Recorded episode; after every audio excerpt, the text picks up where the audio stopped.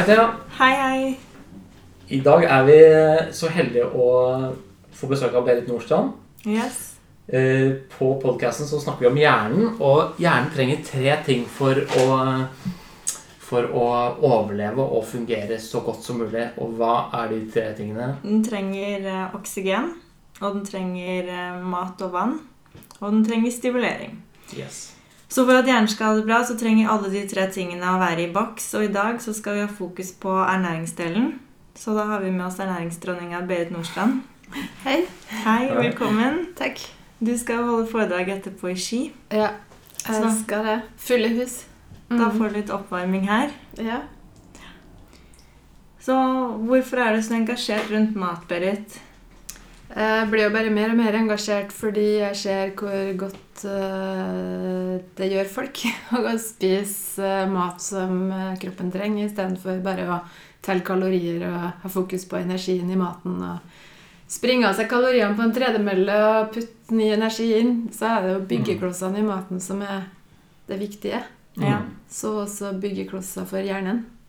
Og nå snakker du jo mye rundt eh, hvordan tarmen fungerer, og hvordan, hvordan er det egentlig tarmen påvirker hjernehelsen vår? Ja, det tar ganske lang tid å, å si eh, detaljert eh, noe rundt, da. Men med litt sånn enkle bilder så er det jo sånn at tarmbakteriene egentlig styrer og programmerer og spiller hjernen god. Sånn at det går jo er det ni til ti ganger så mye trafikk fra tarmen og opp til hjernen som det går fra hjernen og ned til tarmen. Så den kan jo nesten diskutere hvem det er som er eh, kommandosentralen i kroppen. Ja. forskerne har jo begynt å kalle tarmen for vår andre hjerne av den grunn. For det produseres jo kanskje mer signalstoff sånn som serotonin, melatonin og GABA og andre avanserte signalstoff som vi trodde hjernen laga alene tidligere Mm. produseres jo i tarmen. 500 ganger mer søvnhormon, f.eks., Mm. i tarmen enn i hjernen. Eh, 95% av alt serotoninet, lykkehormonet i kroppen, lages jo i tarmveggen. Du har jo hjerneceller i tarmveggen. Du har jo like mange hjerneceller i tarmveggen som hele hjernen på en katt. Ja. Så 100 millioner hjerneceller i tarmen. Og de um, kommuniserer med hjernen, og det er et samspill der som gjør at vi kan si at uh, du må spise mat for tarmen hvis du skal spille hjernen god. Mm. For at hvis du hopper over tarmen, så klarer du ikke å nyttiggjøre deg næringa bare i hjernen, liksom. Altså både tarmen og hjertet og hjernen bor i samme kropp, og det er, det er et samspill der som vi må ta hensyn til da, for å få optimal effekt av maten vi spiser. Mm. Mm. Så det er jo derfor både maten, mosjon, aktiviteten øh, og det mentale øh, spiller inn, da. Alt henger for sammen. Alt henger sammen med alt. Mm. Vi må bevege oss for å få god fordøyelse, så maten passerer ned gjennom tarmen. Kan Mm. ikke sitte i ro. Nei. Nei. Hoppe på trampoline kan kanskje være bra ting der for å få i gang ting. Ja, det er jo det. Og så i hvert fall ut og gå. Det viser Ja. jo seg det at hvis du, hvis du tar en liten spasertur ti minutter etter et måltid, så har du en helt annen blodsukkerregulering etter måltidet. Ja. Fascinerende. sant? Det påvirker jo næringsopptaket at du er ute og går. Ja. Du, du, og du trenger ikke å springe heller for at det skal utvikle seg nye hjerneceller over snippen. Mm. Studier på de befolkningsgruppene som lever veldig lenge, viser jo at bare det å ut og gå gjør jo at økt nydanning av hjernevev foregår. Ja. Ikke sant? Ikke sant? Så um, I USA så tror jeg det var noe som heter Walk for Alzheimer. ja. Mm. Som er, det er også lavterskel, alle kan gjøre det. Mm. Det er veldig undervurdert, bare det å gå. Ja, Mm. absolutt. Men hvis du kunne gitt noen tips da i forhold til um, hva slags mat som er spesifikt godt for hjernen, har du det? Eh, Ja, eh, det har jeg jo. For at, uh, men uh, da vil jeg synes at vi skal tenke på at maten først kommer ned i tarmen, og at vi må styrke tarmbakteriemangfoldet for å få tatt opp næringa vi spiser. Og da blir punkt én melkesyrebakterier. Og melkesyre gjør av modna mat, også for hjernen. For uten et mangfold der, så nytter, nytter det ikke å spise mat for hjernen, for det skal jo Brytes ned. det skal brytes ned i småbiter og tas opp gjennom tarmveggen, komme seg over i blodbanen og opp til hjernen, og det er melkesyrebakteriene sitt oppdrag for dagen. Så derfor så vil jeg at vi skal få i oss noe modna mat, altså modne, moden ost, eh, spekemat, eh, kefir, kombucha, eh, tjukkmelk, surmelk eh, Fermentert kål. Eh, kimchi høres jo ut som et fremmedord. Det er jo en koreansk råkost som er fermentert. Vi kan fermentere råkosten vi har. Hvis vi har litt Mm. myse inn og lar den stå 14 dager på benken, Ja. så har vi en norsk eh, variant av kimchi. Nei, Så det er superlett å lage det her. Vi kan fermentere vår egen ketsjup av Ja. eh, tomatpuré og litt myse og litt krydder. Og, altså, Ja. Det er så lett å få det til. Og i gammeltida, før vi hadde eh, kunstig konserveringsmiddel og nitritt i spekepølser, og vi hadde frysere og kjøleskap, så ble det jo melkesyre av det meste. Det var jo det, det starta med surmelk da, på setra når Mm. du skulle ta vare på råvaren melk. Sånn at eh, det er liksom punkt én. Så Ja. sørg for å få i deg noe syrna hver dag. Fermentert mat. Ja. Mm. Punkt to. Hjernen består for det meste av fett. Mhm. Og vi får nye hjerneceller hele tida. Og det er ikke sånn tryll, så fikk du en million nye hjerneceller. De bygges jo. Så Mhm. 60% av hjernen er fett. Mhm. Og da må vi jo gi hjernen de byggeklossene hjernen trenger for å fornye seg i matfatet. Det viser seg det at hjernen altså den utgjør en liten del av kroppsvekta, men den forsyner seg av en fjerdedel av matfatet. Så da sier det seg sjøl at vi kan ikke spise magert og lett. Vi må få i oss de her både metta og umetta fettsyrene som vi trenger for å bygge nye cellevegger. Mhm. Jeg pleier å si det at en hjernecelle er som en liten fabrikk. Og hjernecellefabrikken skal den dele seg og bli til to fabrikker. Ikke sant? Så to hus, da. Mm. Så må du ha levert råvarer til nye vegger. Og du har Du kan se litt billedlig sånn på det, da, at strake metta fettsyrer er plank i nye vegger. Mhm. Og umetta fettsyrer, enten det er enumetta eller flerumetta, altså omega-9 eller omega-3, 5 eller 7, eller hva nummer i rekka du trekker fram, Mhm. det er altså vinduer eller dører i cellemembran. Og at det for kroppen er ikke hipp som happ hvor mye du spiser av hver. Og det er heller ikke hipp som happ hvis du skal bygge et hus, hvor mange vinduer du får levert, og hvor mye plank til vegger som kommer leverende. da. Det blir et rart hus med bare vindu. Så sjøl om olivenolje, omega-9, er veldig sunt i utgangspunktet, så er det ikke noe vits med å overdrive, for du får ikke noe, nytt, du får ikke noe bedre nytte av altfor mye. Mm. Du må ha passe mengder levert av metta og umetta fett. Mm. Plank til nye vegger, vindu og dører til nye åpninger. Først da så får du jo normal transport gjennom cellemembranen eller inn i fabrikken.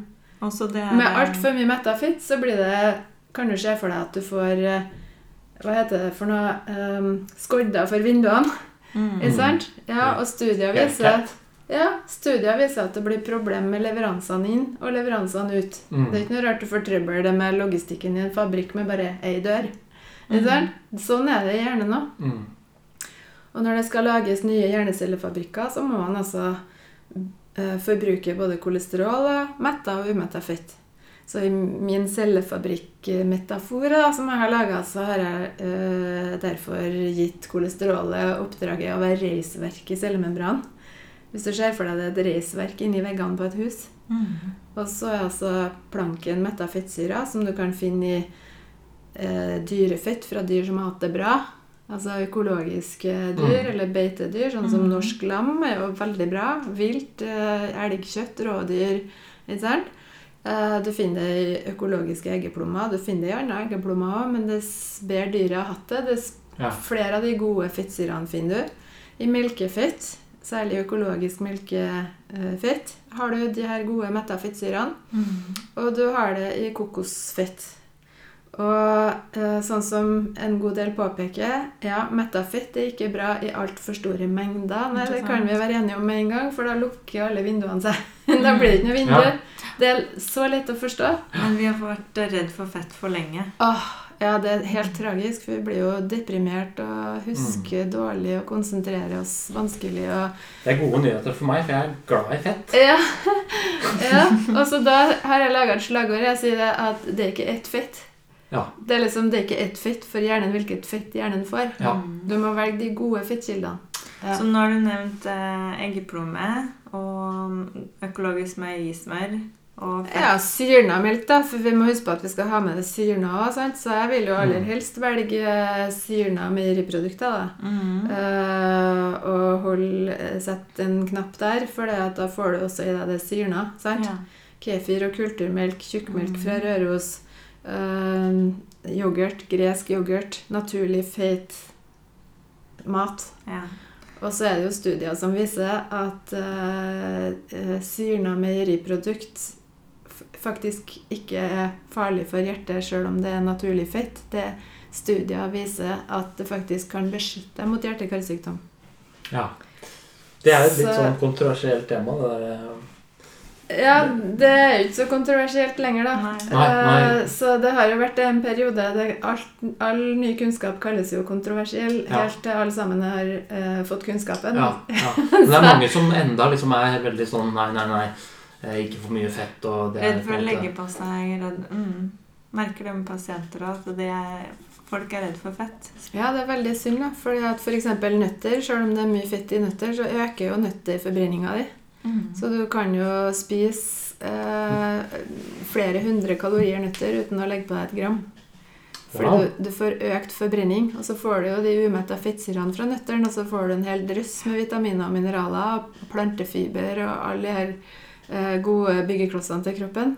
Mm. Så, sånn at eh, du får jo altså økt forbrenning tilsvarende en skikkelig joggetur av å spise en håndfull nøtter, liksom. Okay. Ja, da er det veldig dumt å la være. Ja. Ja, For det er jo byggeklosser til kroppen som du da går glipp av.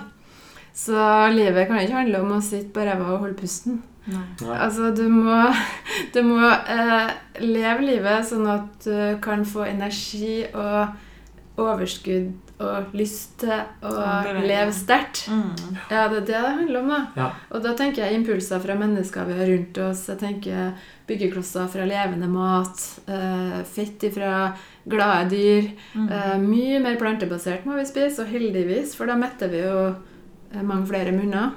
Ja. Vi må eh, fråtse i grønnsaker eh, for å holde liv i tarmfloraen. Og vi må spise mye mer farger for å beskytte hjernen mot oksidativt stress, som det er litt vanskelig heter. Mm. Og det bringer meg over til det neste, for nå har vi sagt fermentert mat, vi har Mm. sagt gode fettsyrer, og så er altså punkt tre er de her kraftige antioksidantene, og hjernen elsker lilla mat. Ja. Så alt som er mørkeblått og lilla er fantastisk bra for hjernen. Eksempel rødbet, Mm. blåbær, bjørnebær, blå druer, men druer skal vi være litt forsiktige med, da, for det er fryktelig mye sukker i druer. Sånn at eh, Kanskje ikke spise dem helt alene, eller? det er nok lurt å fermentere dem, da. Mm. Og, og så heller eh, eh, tenke at ok, i den grad du nyter alkohol, så er et lite glass økologisk rødvin kanskje ikke så dumt. Mm. For hjernen. Ja. Eh, og tarmen. Um, nå er jeg jo spesialist i rusmedisin, så jeg vil jo ikke framsnakke egentlig alkohol, da, for det har jo en stygg bakside av den medaljen. Mm. Men derfor sier jeg i den grad du velger å drikke alkohol, Mm. så er det ikke så dumt å velge litt økologisk rødvin, da. Nei. Eh, og um, drikker du ikke alkohol, så er jo råsaft av blåbær er jo fantastisk. Mm. Um, Jeg tror jeg skal ta meg et lite glass rødvin. ja. ja. Uh, antocyaniner kalles den lilla fargen som er særdeles bra for hjernen. Og blant de folkeslagene som lever lengst i verden, uh, f.eks. på Okinawa-halvøya utenfor Japan, der er det jo eh, Der lever de lengst i verden, og der er det jo egne studier, hjerneforskning på. Uh, uh, I hvor stor grad hjernene deres eldes sånn som våre. Og dem uh, Hvis jeg husker riktig nå, så eh, er det altså eh, sånn at eh, hjernen deres Altså hjernen vår eldes dobbelt så fort som deres. Mm. Og at eh, forskere har satt det i sammenheng med maten og det mentale. Mm. Og at eh, i Okinawa der eh, får de eldre respekt. De er inkludert i Ja. samfunnet som verdige mennesker. Eh, det altså, selvfølgelig, sier jeg, men sånn er det ikke her, altså. Eh, vi har for lite kontakt med de eldre. Det er mange ensomme som sitter alene og blir deprimert og dement. Det er fælt å tenke på. Mm. Um, det er studert hvilke aktiviteter som uh, er best for hjernen. Og det var altså en hyggelig rusletur. Ja, ikke sant? Mm. De driver med mosjon, de driver Ja, ikke med i- trening på Nei, nei, nei, den treffes i en park sant? og gjør litt bøy og tøy sammen. Litt sånn yogaøvelser og litt uh, mindfulness. Lager mat på hånd og snekrer gjerder og Ja, de gjør det. gjør praktiske Ja. ting. Og så, øh, og så har de sammenligna aktiviteter som rusletur og bordtennis, f.eks. Bordtennis er en aktivitet som er bra studert, og det viser seg det at eh, bordtennis eh, var best til å fornye hjernebarken. Hjernebarken krymper jo med årene. Sant? Den ytterste delen av hjernen der egentlig hjernecellekroppen befinner seg. da. Ja. Og, så bordtennis krever mye koordinering. Ja. Og så er jo bordtennis også veldig sosialt, for du spiller jo ikke alene. Mm. det, Ja. sant? Så, så de tenker at det er én pluss én blir tre når det gjelder bordtennis. da. Du har det artig, du flirer, du er sosial, og du Mm. beveger deg på et vis. Du må Ja. konsentrere deg for å holde tritt med Sikkert konkurrenten. også bra for noen med litt eh, synsproblematikk, som hjernerystelse og sånn. Den, Ja, Han eh, øyekoordinasjon. Ja, sant? helt sikkert. Ja. Eh, Og så spiser jeg- ja. Ja, og så spiser jeg mengder med blå søtpotet. Lilla søtpotet. Det, det er liksom det, var, det er helt påfallende hvor mye lilla søtpotet det går med på den øya. Okay. Og i Norge så har vi jo rødbet. Ja. Og det er jo forskrekkelig lite rødbet vi spiser. altså. Det er sylta rødbet Ja. nedlagt i sukker og eddik Den er på ikke glass. noe særlig. Nei. Den er god. Jo, men altså du Den med litt leverpostei. og så- Har du smakt ovnsbakt rødbete da, med olivenolje og havsalt og litt timian inn i ovnen, og så baker du på 175 grader i en liten time? Ja. Å, fantastisk. Ok, da det skal jeg prøve. Du tar i ildfast form. Ja, det syns jeg skal være eh, fast følge til hverdagsmaten nå eh, en gang i uka til alle som hører på. ja. Ovnsbakt rødbete. Ja. Du har havsalt i bunnen på en form, Mm. så skjærer du bare litt bunnen, eh, den her litt stygge stilken på rødbeten, skjærer du av den. Mhm. Vasker rødbeten, ikke renser den. Ikke tar av skallet. Nei, så setter du den bare nedpå den senga av salt. Og så har du litt olivenolje over, og så litt timian. Og så okay. setter du det i ovnen på 175 grader. Avhengig av hvor stor rødbeten er. Sånn ja, omkring tre kvarter til den er mør. da. Mm. Og så er den helt sånn nesten smøremyk når du tar den ut. Og så Mm. søt at det nesten smaker godteri. liksom. Oh. Supergodt. Yeah. Og så ett tips. Spis så mye at du tisser rosa.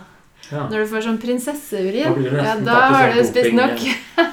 Men hva har du det her med, da? Alt mulig? Nei, det passer til alt, det. Til kjøttretter, til fiskeretter. Uh, I en salat sammen med fetaost og rista valnøtter og ruccolasalat. Fantastisk.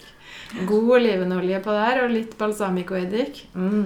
Jeg har hørt at Kjempegodt. eh, du kan bli fryktelig gå fort på ski eh, og sånt hvis du spiser mye rødbeter òg. Ja, det stemmer. Du får, Du får, eh, eh, Altså, vel å merke hvis du har de riktige bakteriene i mage-tarmsystemet, da. Fordi at produksjonen Altså, rødbet inneholder et stoff som heter nitritt. Mm.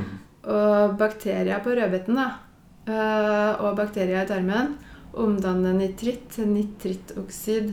Altså og, øh, Ja. Eller nitrogenoksid. N- Nitric oxide er sånn eh, tilskudd som eh, ja. Ja. Og NO, som det da forkortes til, øh, viser studier å være superviktig for å holde blodårene elastiske og blodåreveiene åpne opp til hjernen. Sånn at dess mer nitrogenoksid du kan måle i blod, dess bedre er det da i forhold til at du får eh, bra blodsirkulasjon både til muskulatur og til hjernen, og det er jo superviktig for toppidrettsutøvere. Og Mm. det finnes studier på rødbetjuice og på eh, kokt rødbet, faktisk. Det må ikke være rå juice. ja. Som viser at eh, restitusjonstida etter uh, ei hard treningsøkt reduseres når du har drukket juice på forhånd. Og det viser seg også at utholdenheten bedres. ja. Så det vi, vi som har så mye rødbeter, må jo bare begynne å få i oss det. Jeg hadde en kompis, han gikk Birken, han gikk fryktelig fort. Og han Ja. satt og bælma i seg sånn rødbetjus eh, Mm. før han skulle gå. Eh, jeg syns ikke det smakte noe godt. Altså, jeg, det gikk jo ikke så fort med meg heller. Men eh, det gjør ikke noe om det ikke smaker så godt, da. Nei, Men jeg tror jeg skal ta det der ovnsbakte. Ja, men hvis du tenker rødbetjuice Altså, det smaker helt fantastisk godt det, hvis du bruker en slow juicer. Ja. Hvis du bruker en vanlig juicer, så forsvinner de søte fibrene bak i søpla i jusmaskina di. Og da blir den veldig bitter, og jusen eh, juicen, og den får sånn jordsmak. Mm. Men hvis du har en slow juicer, så hvis du ikke har jusmaskin og har tenkt å kjøpe deg en, så må du kjøpe en slow juicer. Uh, og ordet sier at det her går tregt, og det gjør det. så det tar en liten evighet å få de her rødbetene gjennom en slow juicer, men det er verdt hvert eneste minutt. For det blir en fantastisk god smak på den jusen, og du får med deg alle de plantefibrene eh, tarmbakteriene trenger for å holde seg i live. Og dessuten så er jo mye av antioksidantene henger jo fast i fiberen. Så hvis du bruker vanlig Ja. jusmaskin og mister alle fibrene, så mister du også mye farge. Mye av de her gode fargestoffene. Så når jeg juser en rødbet, så får jeg ut et skikkelig glass av én rødbet, altså. Av en slow juice, juicer. Og mest sannsynlig så fins det sånt utstyr til den kjøkkenmaskina du har fra Mm, før. Mm. Mange har jo ei kjøkkenmaskin Mm. til å bake brød i og sånn. Ja, ja. Så undersøk det først, da, så Ja. du slipper å kjøpe Ja. deg egen maskin. ja men da blir det rødbeter framover. Ja. så jeg blander litt ingefær oppi, ja, for jeg vet jo at tarmbakteriene er veldig glad i det òg. Ja. Og da får du en sånn rødbetjuice med litt sting. Og så hvis du topper det hele da med en dæsj rå eplesidereddik eller en skvis med sitron eh, oppi, så har du en sånn skikkelig god shot som du Ja. Og så fins det jo Ja, oppskriftene fins i Tarmens medisin, da. På Den nye boka di. den nye boka mi. Ja, Mm. og der eh, lærer du deg trinn for trinn, fra én til seks trinn, eh, hvordan du gradvis kan endre maten din, sånn at du spiller på lag med tarmbakteriene, så de kan spille deg god. da. Mm. Og du trenger ikke å være syk på noe vis for å ha nytte av den boka. Altså, det, det som skjer, er jo bare at du optimaliserer fungeringa di. Så trener du, så får du mer igjen for hver eneste treningsøkt. Mm.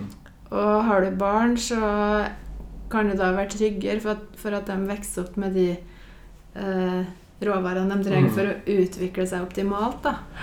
Det er ting jeg er opptatt av. Jeg, Vi må ta helsa på alvor. Og kan Ja. ikke regne med at Helse-Norge skal ta vare på den. nei, Det er jo altså, først når du blir syk at den eh, kan hjelpe deg. Ja, og så er det jo Jeg tror det er 70% av fastlegebesøkene som er livsstilsrelatert. Og livsstil kan vi gjøre noe med sjøl. Så det er altså ja, veldig mange som sliter med helseplager nå, som kun har sluppet det. Hvis de har fått kunnskapen på rett vis da, og blitt inspirert til endring. Og det er derfor jeg jobber så hardt på. fordi at for meg så er dette en lidenskap. Jeg treffer folk hver eneste dag som har fått betydelig bedre liv Mm. etter at de gjorde små, enkle endringer, vil jeg si. altså. Mm. For du jobbet jo i, i Jobbet en del med psykiatri. Ja, jeg gjorde det. Jeg, jobbet som, jeg er jo dobbelt spesialist i medisin. Jeg er spesialist i klinisk farmakologi og toksikologi. Og så er jeg spesialist i rus- og avhengighetsmedisin. Mm. Og jeg jobba som overlege på Universitetssykehuset St. Olav i 20 år. Ja.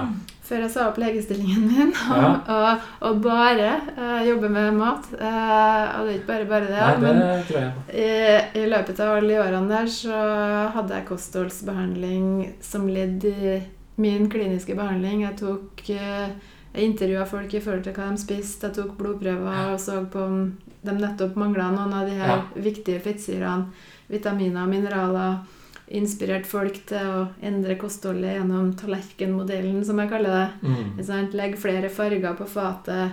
Dekk halve tallerkenen din med grønnsaker. Mm. Hold inntaket av kjøtt ned til størrelsen på håndflata di. Ja. Ikke med fingrene, men hvis du tar bort fingrene, så ser du hvor stort kjøttstykke Mm. du egentlig skal ha. Da blir folk litt uh, Ja. Eh, Ikke mer? prøv å hjelpe Nei, og det hjelper ikke om kjøttet er på tilbud.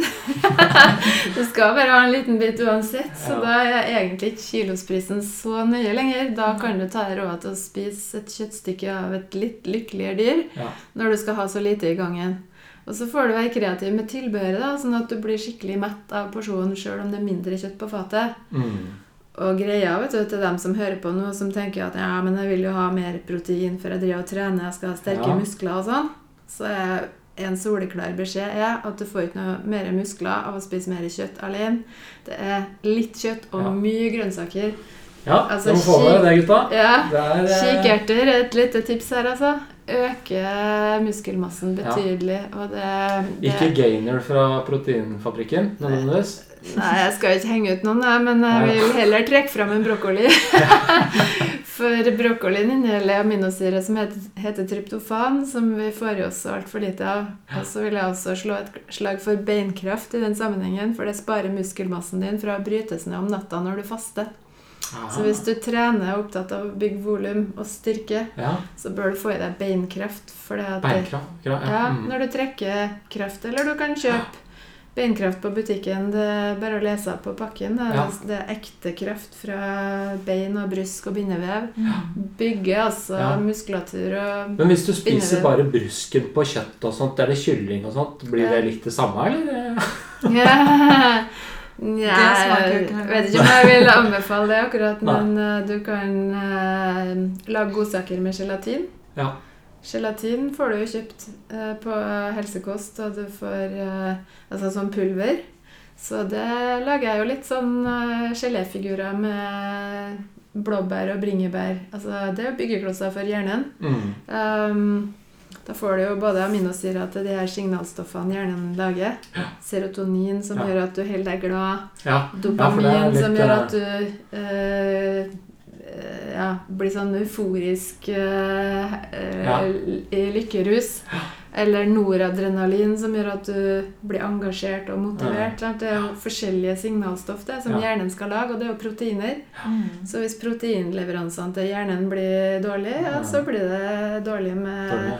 Lykkekjemi og god konsentrasjon. Og da blir du rett og slett eh, litt guffen å ha med å gjøre? Kommer. Ja, og så ja, altså det er jo litt komisk å tenke på at noen tror jo at alt handler om gener. Så I den familien der så er de litt sånn sur og grinete hele gjengen. liksom Hører jo det. altså, Mm. ja, Så sier jeg jo de eter jo samme fôret, kan jeg si da. Ja. Det er jo litt sånn. Så Og de har kanskje samme bakterieflora fra start, da. Nettopp. ja. Så, men du vet at du har muligheten til Du starter med blanke ark i dag, du som hører på.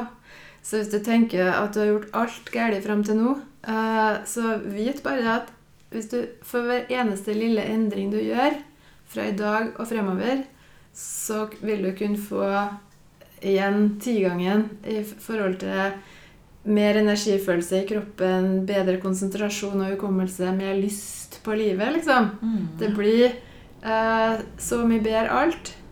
Og, og du er ikke et offer for dine egne gener like lite som ja, Jeg pleier å si at hvis altså det, Du kan ikke gå i bokhandelen og kjøpe deg Ingrid Espelis rutete kokebok og slå opp og si det sånn og sånn på kraftsuppe. Det blir ikke av seg sjøl.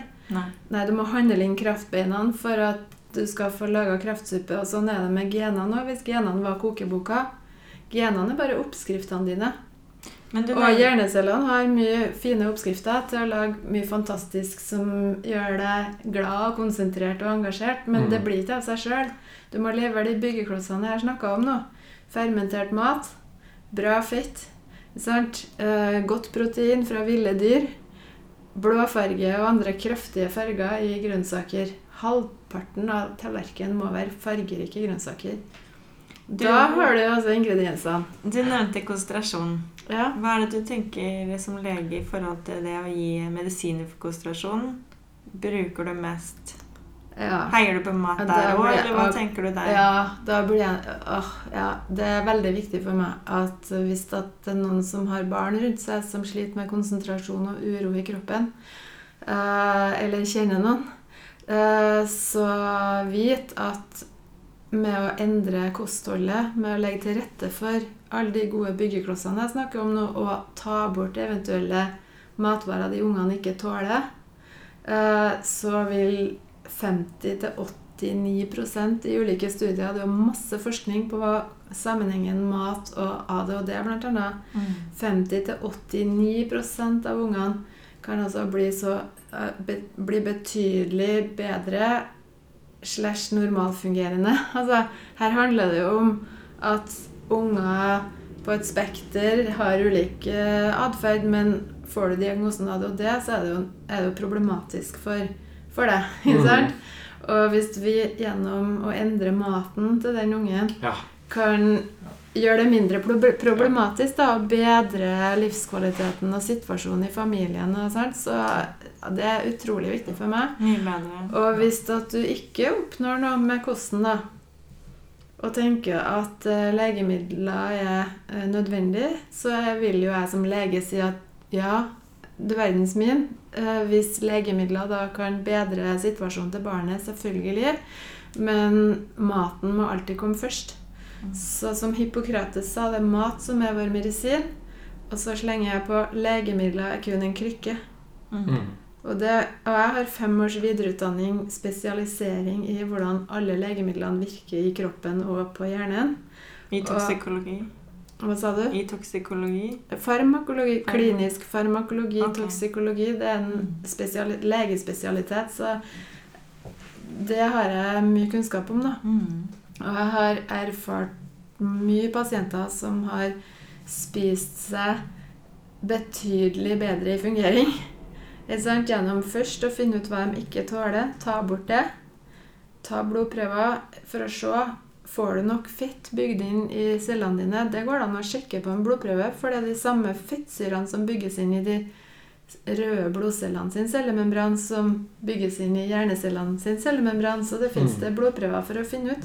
Tar du opp omega-3 og bygger det inn i kroppen i tilstrekkelig grad?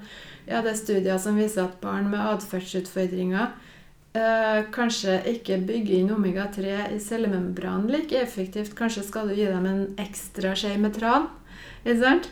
Altså, det er eh, også studier som viser at en god del av barn med atferdsutfordringer er ekstra sårbare og ømtålige i forhold til å tåle tilsetningsstoff i maten. Flere med lik tarm. Mm. Et sånt fremmedstoff leker inn i en liten kropp. Dette her går det an å finne ut av. Er helsepersonell oppdatert på det her? Nei. Det er i altfor liten grad fokus på mat i behandling, og de jeg kjenner av behandlere som har fokus på mat, har det stort sett fordi de er personlig engasjert. Ja. Eh, fordi de har noen i familien som har blitt betydelig bedre på mat, og da kan du ikke Og det er det samme med meg. Sant? Jeg er engasjert fordi jeg har møtt tusenvis av mennesker gjennom 25, ja, altså 27 år som lege. Mm. Eh, Og jeg har sett eh, hvor stor betydning mat har i behandling, og folk vil ikke tro det. Ja. De vil ikke tro det. De må erfare det sjøl. Mm. Og, og jeg har foredrag for 25 000 i året nå, og møter på hver eneste scene, hvert eneste arrangement, folk som kommer tilbake og sier Vet du, jeg har endra kursen, og takk skal du ha, liksom. Mm. Det er så rørende. Ja. Det er folk som klarer å gå ned i vekt. Endelig klarer de å gå ned i vekt. Å og holde de, seg der. ja, når de ikke har fokus på å telle kalorier lenger, Mm. men har fokus på at vi skal kose oss mer Mm. og ikke mindre.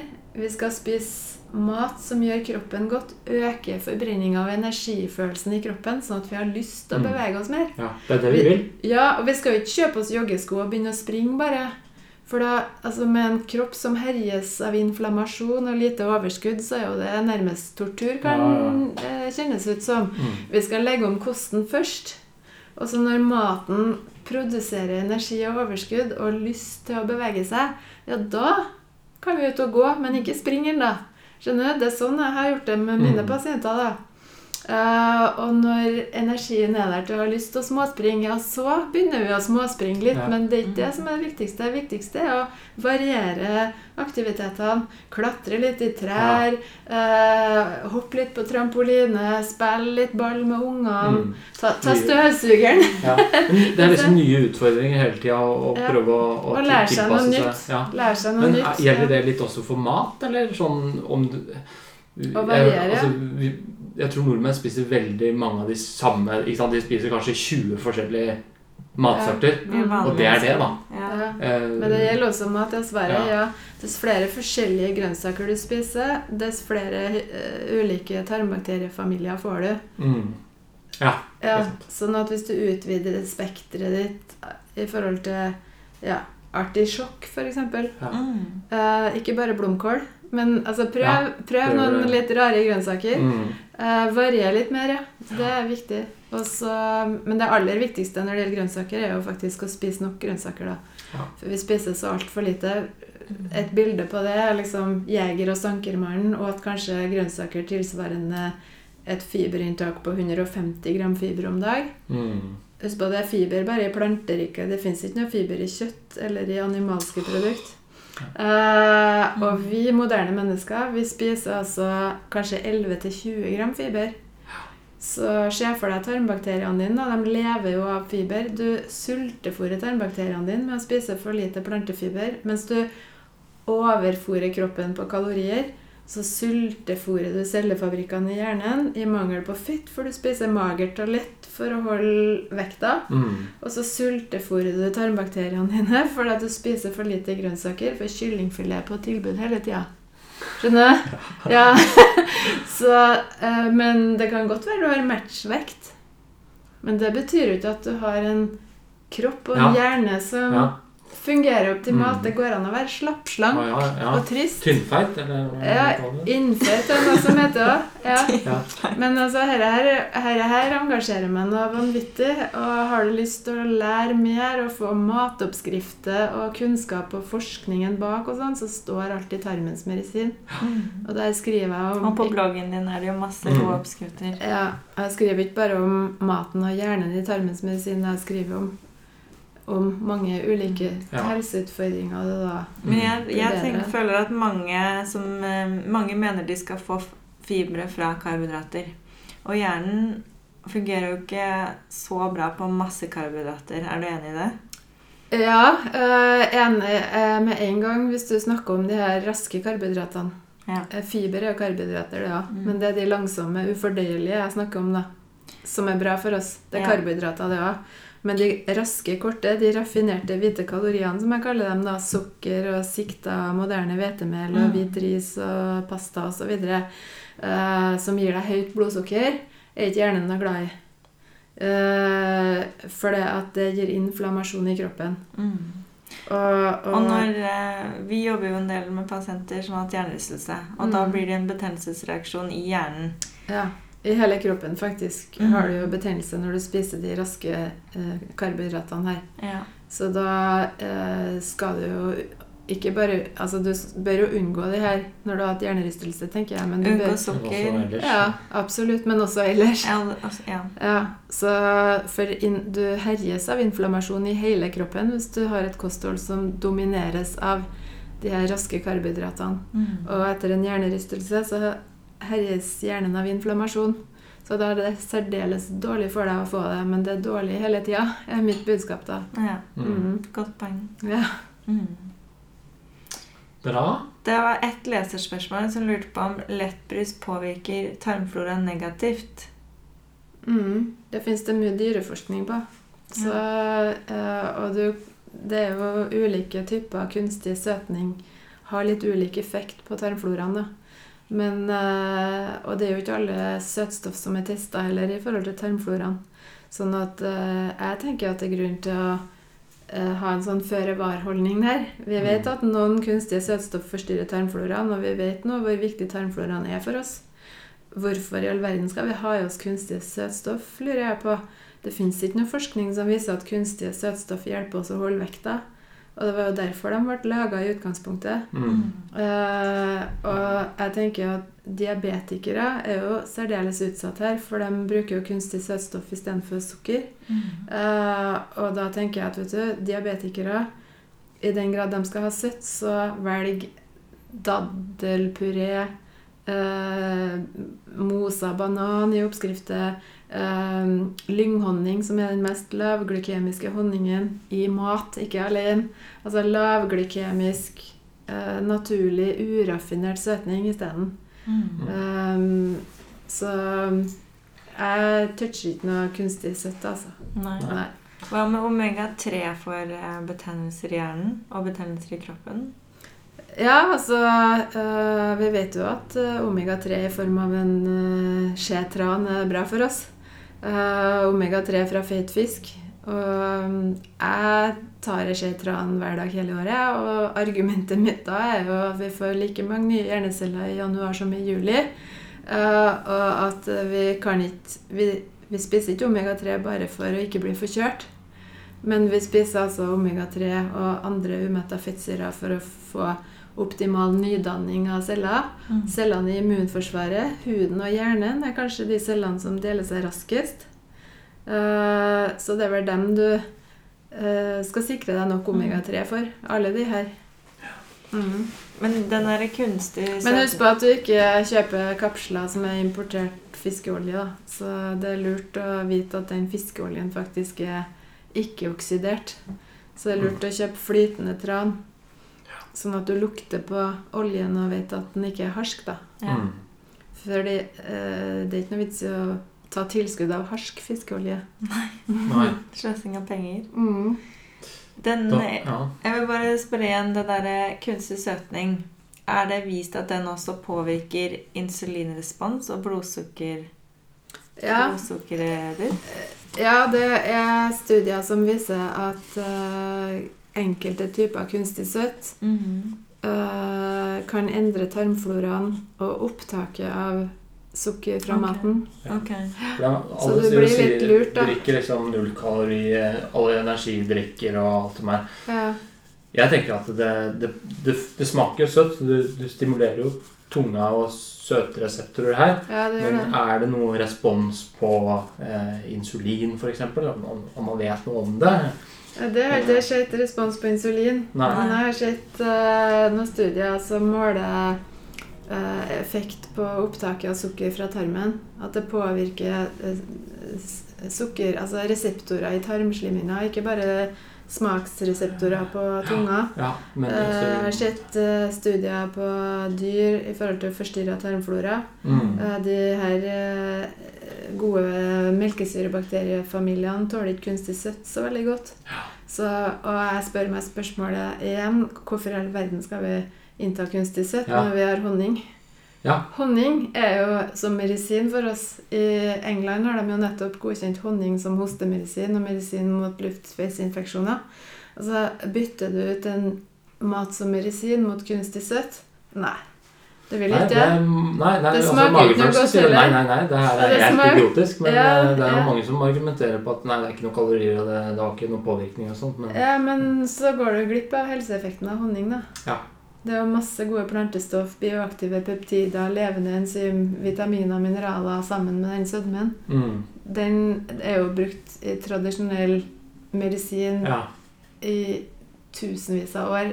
Så i folkemedisin, mener jeg. Mm, Uh, og mm, altså, du, det er jo studier som viser hvordan uh, organiske syrer i honningen uh, holder eh, infiserte Ja, sår til og med fri for infeksjoner. Det virker mot antibiotikaresistente bakterier, til og med noe som er et kjempeproblem etter hvert i en Ja. moderne verden med antibiotikaresistens.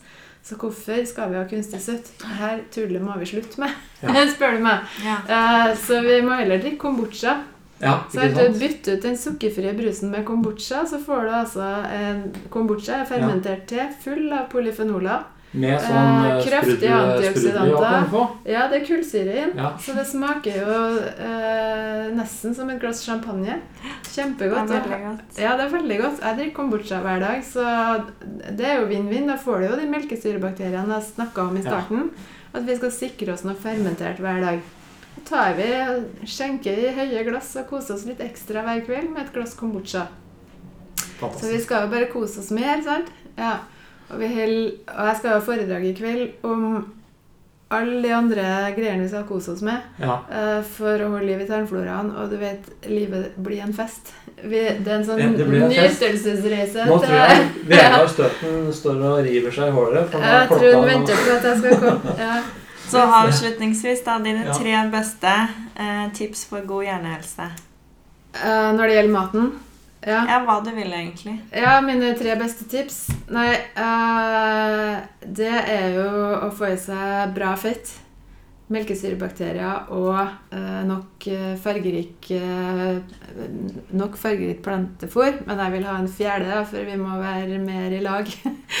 Sosial. Eh, ikke sant? Mm. Vi må eh, hjernen trenger ernæring fra Vi er sosiale vesen. Vi må Gode være gode mot hverandre og dele ut flere klemmer og ta oss av Eldre. de eldre i samfunnet. og ja, Mm. Lev mer i nuet, legg bort iPaden. Uh, vær sosial sammen. Ja. Supert. Tusen takk, Berit. Jo, takk Tusen for at jeg fikk komme. Du er gjør en kjempejobb. Takk.